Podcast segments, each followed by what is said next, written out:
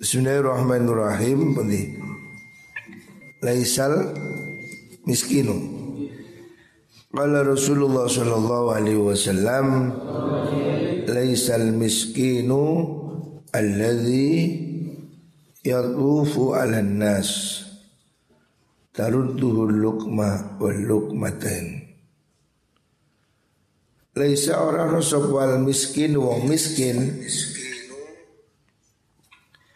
Ora ana sapa miskin wong miskin.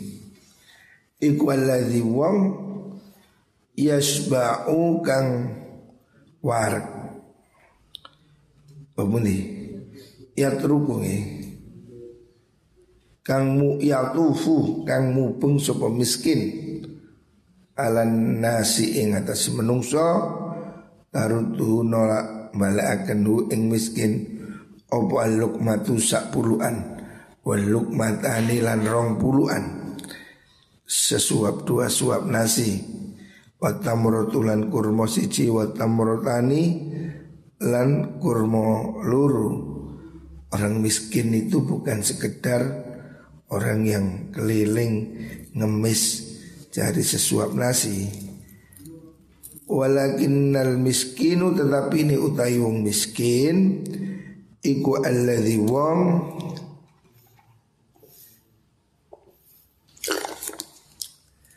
la yajidu kang ora nemu sapa alladzi hinan ing kesukian. Yugnihi kang nyukihaken apa hinan hi ing miskin. Wala yuftanulan ora dan wurwi sapa lau miskin fayuta sodaku mongko den sodake sapa alai miskin. Wala yakumulan oleh jumeneng sapa miskin Fa'es alu mongko njaluk sapa alladzi annasa ing menungso rawal syekhan.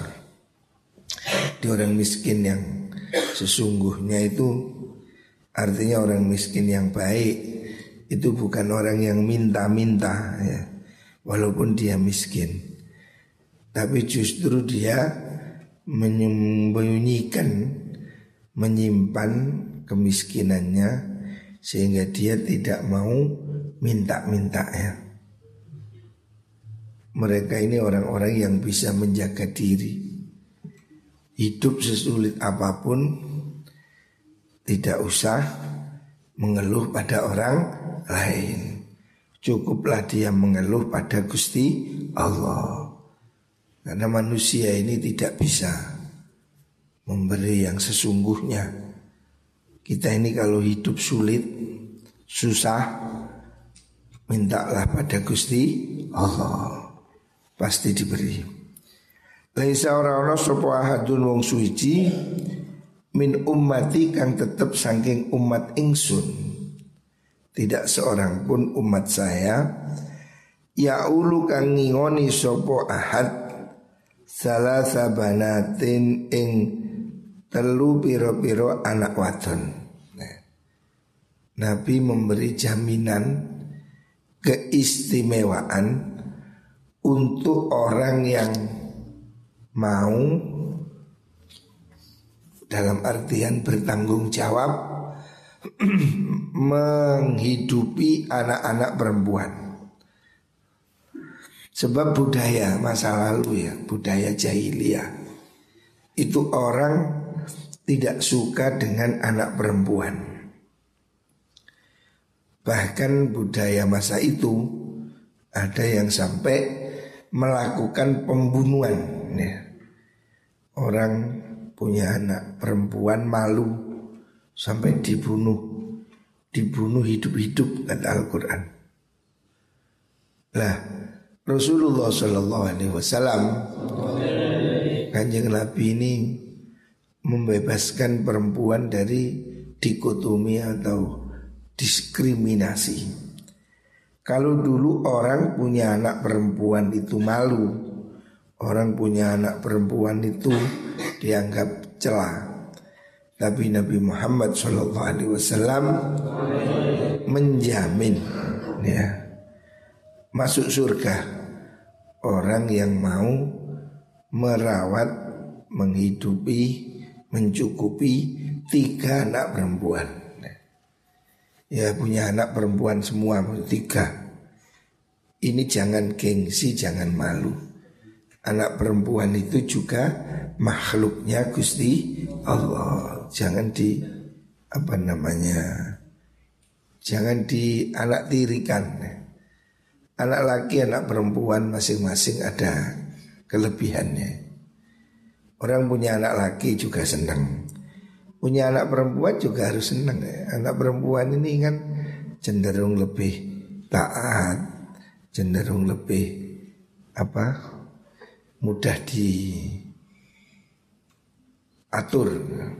Arek lanang kadang gerak no, atau wambeng. Nah, Makanya orang punya anak laki-laki ya Jangan terlalu bangga Anak laki-laki Kalau tidak baik juga Menyedihkan, menyusahkan. Perempuan juga begitu Anak perempuan jangan dianggap beban.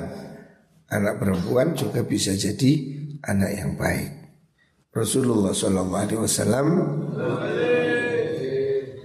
Yang hidup panjang ya putrinya ya Yang berumur panjang Ya Sayyidah Fatimah.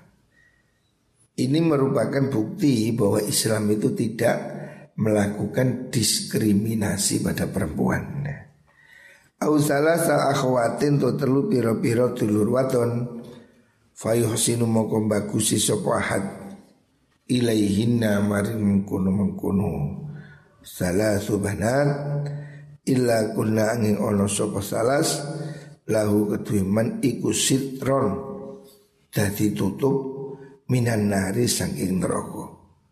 Rawahul Baihaqi. Rasulullah Wasallam memberi kabar bahwa tiga anak perempuan atau tiga saudari perempuan yang diberi kecukupan oleh seseorang disekolahkan, dipondokno, dinafkahi itu mereka kelak akan menjadi tutup pelindung dari neraka. Artinya orang yang berlaku demikian itu kelak akan masuk surga. Jadi ini supaya tidak ada orang memandang rendah anak perempuan. Anak perempuan juga menyenangkan anak laki-laki. Memang tradisi ya, orang jahiliyah itu laki-laki ini kan kekuatan untuk perang. Maka mereka bangga. Tapi hari ini anak laki-laki perempuan ya sudah sudah bisa mempunyai kesempatan yang sama baik. Wanita sekarang bisa jadi apa saja. Jadi presiden juga bisa. Jadi menteri bisa. Jadi gubernur Jawa Timur perempuan. Zaman dulu perempuan itu tidak laku rek. Orang yang dianggap apa Di belakang. Hari ini sudah Perempuan luar biasa.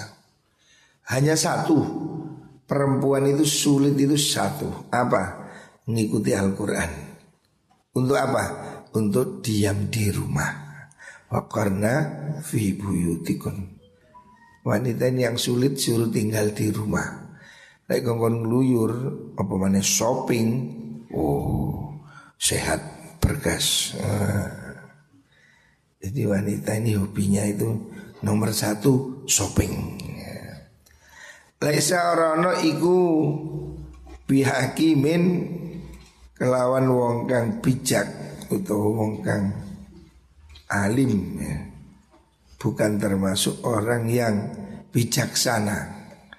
Sopo man wong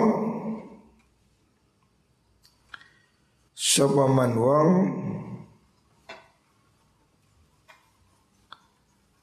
Lam yu'ashir.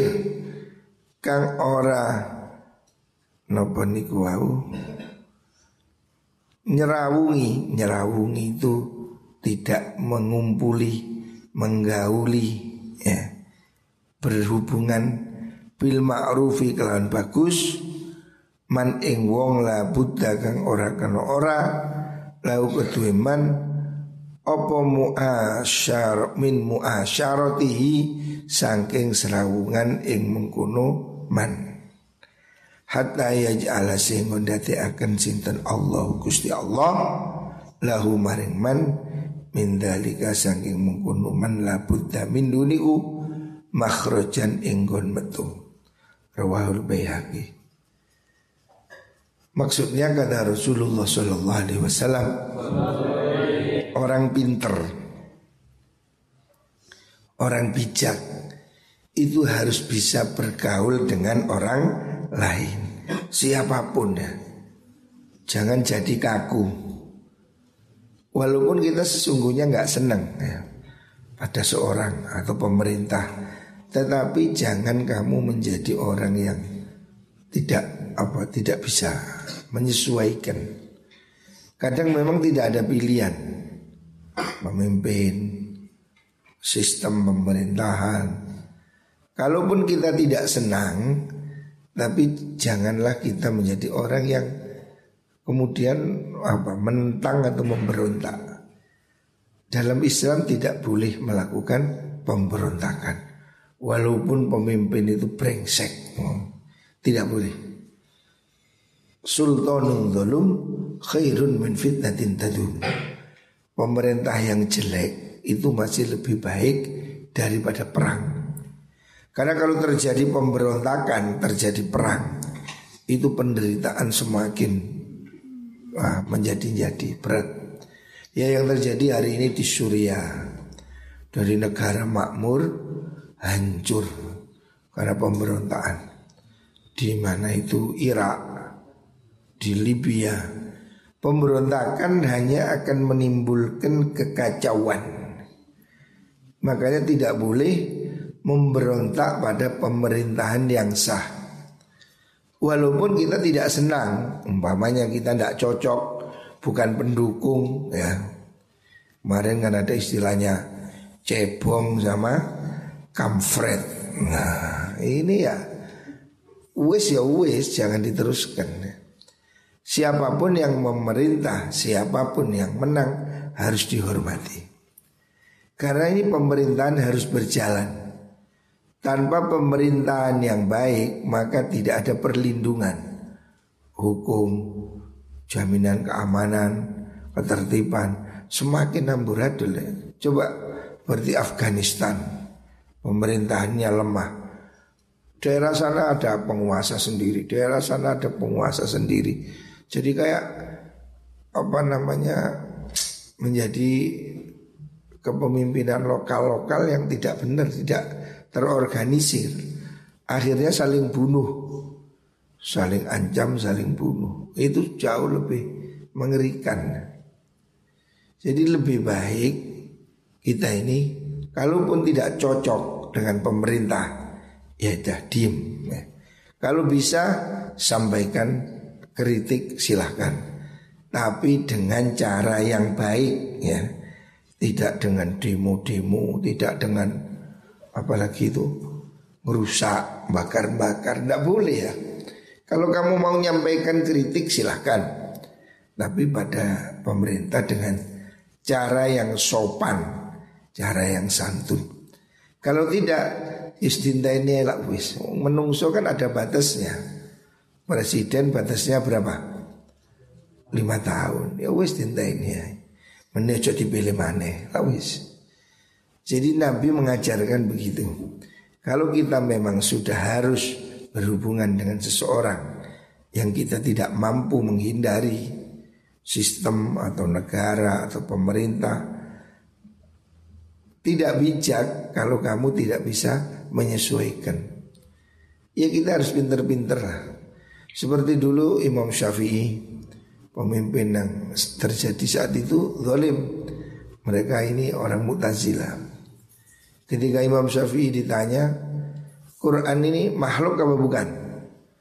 Karena mereka menganggap Quran itu makhluk. Kita menganggap Quran itu bukan makhluk. Imam Syafi'i ber, anu ber apa namanya bersandiwara. Dia mengatakan sebentar satu dua tiga empat lima. Makhluk. Yang makhluk tangan saya bukan Quran. Nah, itu kan apa cara untuk tidak membuat keributan.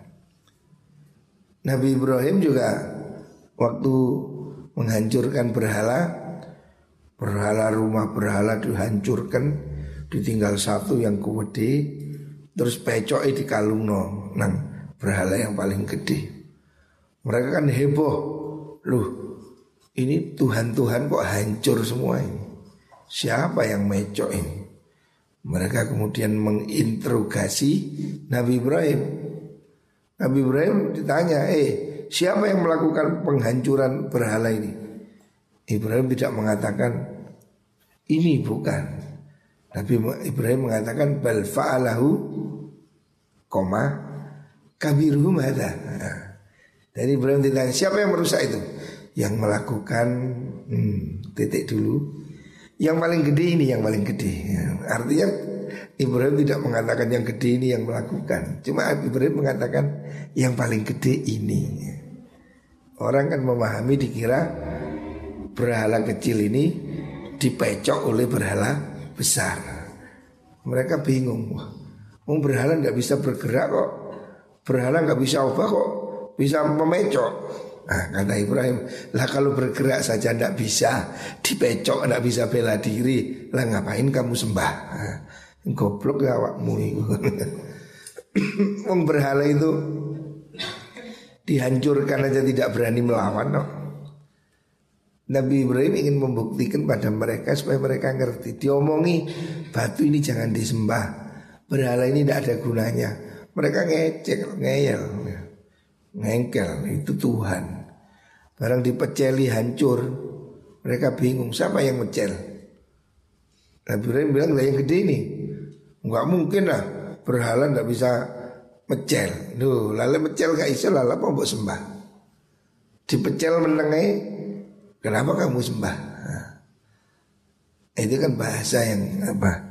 Merupakan bahasa yang uh, mudah ya. Tidak perlu dengan bahasa yang ngengkel. Nabi Musa diutus pada Fir'aun. Fir'aun ini penguasa zolim, penguasa diktator. Tapi Nabi Musa juga tidak maki-maki, tidak mesu-mesu. Nabi Musa datang dengan bahasa yang halus. Dan memang Allah memerintah begitu. Fakulalahu kaulan laijina. Musa sama Harun disuruh pergi menemui Fir'aun sang diktator tetapi Allah memberi pesan wakulalahu kaulan laijina. Kamu bicaralah dengan halus. Jadi nggak perlu demo dengan ngerusak ini jangan. Silahkan menyampaikan kebenaran itu boleh menyampaikan kritik boleh tapi dengan cara yang sopan Arwahul Bayhaqi. Ya, ini ajaran Kanjeng Nabi ya. Berusahalah kita melakukan adaptasi. Jadi wong sing lemes cok mokong, jangan terlalu kaku. Rawahul Bayhaqi. Kusapa ngantuk jewer. Turu-turu ae. Kok. Selanjutnya kalau Rasulullah sallallahu alaihi wasallam laisa bi khairikum man taraka dunyahu li akhirati. Laisa ora ono iku bi khairikum kelawan luwe bagus sira kabeh. Man wong taraka kang ninggal sapa man dunyahu ing dunyane man li akhirati krana akhirate man. Bukan kamu yang terbaik itu orang yang meninggalkan dunia hanya khusus fokus akhirat. Itu tidak baik ya.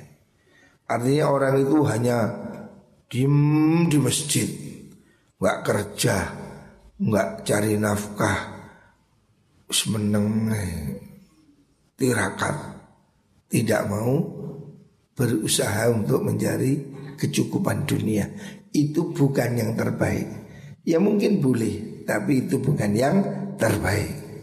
Wala akhiratahu di dunia dan juga sebaliknya bukan yang terbaik orang yang meninggalkan ing akhirat iman di dunyahu karena dunia iman. Jangan menjadi ekstrim ngurusi dunia tok lali akhirat atau ngurusi akhirat tok lali dunia. Kamu tidak boleh hidup yang ekstrim begitu ya.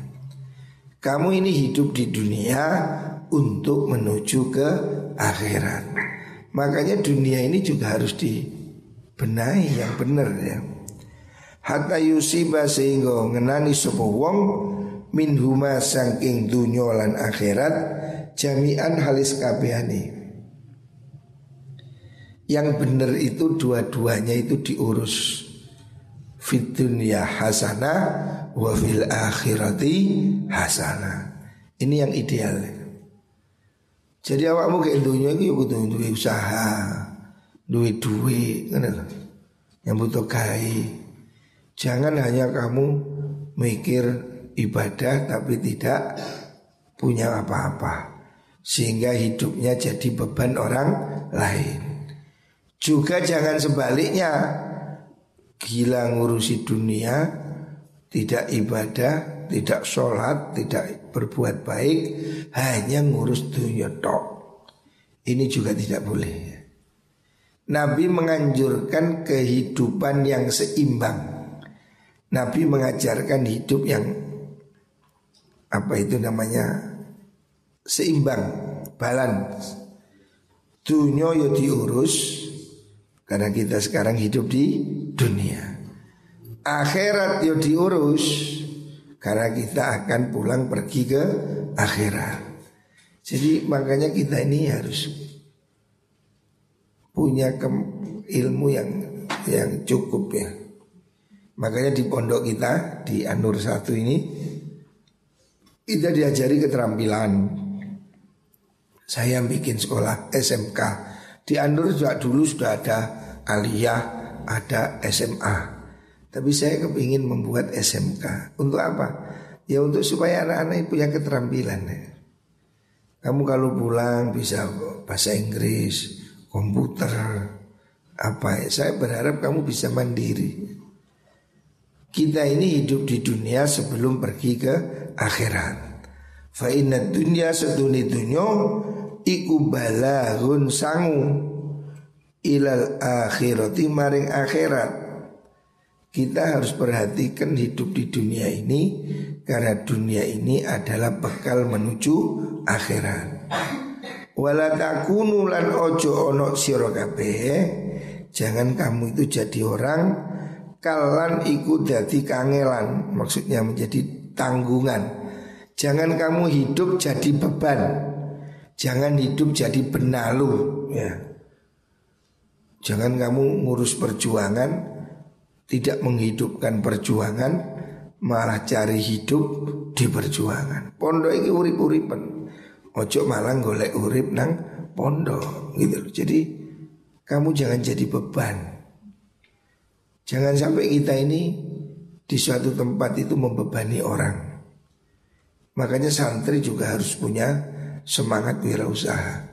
Supaya kita ini perlu iso memberi. Saya alhamdulillah Sejak dulu sampai sekarang saya ngajar di pondok gak dibayar. Tanya bendahara mulai zaman dulu sampai sekarang saya tidak pernah ambil gaji dari pondok, tidak pernah. Karena saya alhamdulillah saya kerja dan saya sudah cukup. Bahkan saya bisa memberi ya. Ya alhamdulillah pondok sebesar ini kan kita mulai dari kecil. Kalau kita punya uang, kalau kita punya harta, kita bisa untuk bantu perjuangan. Tapi kalau kamu tidak punya apa-apa, akhirnya jadi beban perjuangan. Akhirnya menjadi benalu. Ya. Kamu harus berusaha bagaimana hidup ini bermanfaat. Kalau kamu punya uang, kalau kamu punya harta, manfaatmu akan semakin besar. Sebab kalau kamu miskin, ya itu bagus. Minimal untuk dirimu sendiri. Tapi kalau kamu kaya, oh kamu bisa bangun pondok, bangun masjid, bangun madrasah, bangun panti asuhan, manfaatnya dirasakan oleh orang banyak. Makanya kalau saya lebih suka santri yang kaya. Santri yang kaya lebih saya sukai daripada santri yang miskin. Maksudnya santri yang berusaha jadi kaya. Bukan berarti milih santri suki enggak. Santriku ya kalangan sing ngene iki Suki suki apa? Suki gudik paling. Kau no ada sing suki. Pondok-pondok liya itu ono panggilan motor-motor. Ini beda motor, beda pancal. Tapi saya tidak masalah. Kamu hari ini miskin tidak masalah. Tapi kamu harus mati dalam keadaan kaya. Kalau kamu lahir miskin itu bukan salahmu. Tapi kalau kamu mati miskin itu salahmu dewi. Berarti kamu tidak berusaha memperjuangkan hidupmu. Sekarang kamu miskin tidak apa-apa, tirakat. Tapi nanti saya berharap dan saya doakan muko-muko santriku ini suki-suki kabeh. Saya kepingin santri ini dua.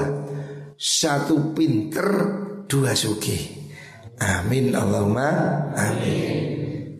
Santri gue Gak suki rek sakno Asarani kurang. Tapi lek suki Nurus Pengusaha Wuh.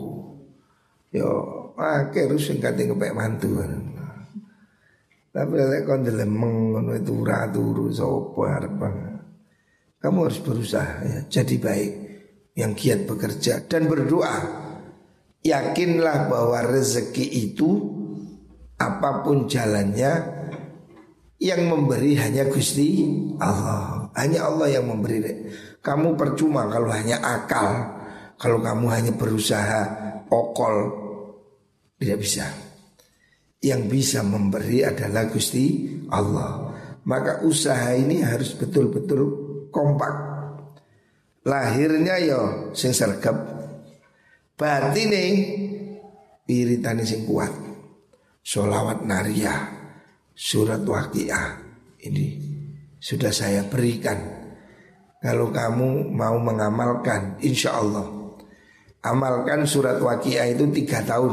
Ya, sebelum boyong kamu riadoh dulu surat waqiah seminggu di makam. Amalkan tiga tahun Insya Allah yakin saya. Orang-orang yang ngamalkan Riyadhah surat waqiah itu Tidak ada yang anu Tidak ada yang gagal. Saya melihat rata-rata itu Rezekinya ya, Walaupun tidak terlalu kaya Tapi dicukupi oleh Gusti Allah Muka-muka kabeh dicukupi rezeki kalian. Allah Diberi ilmu yang manfaat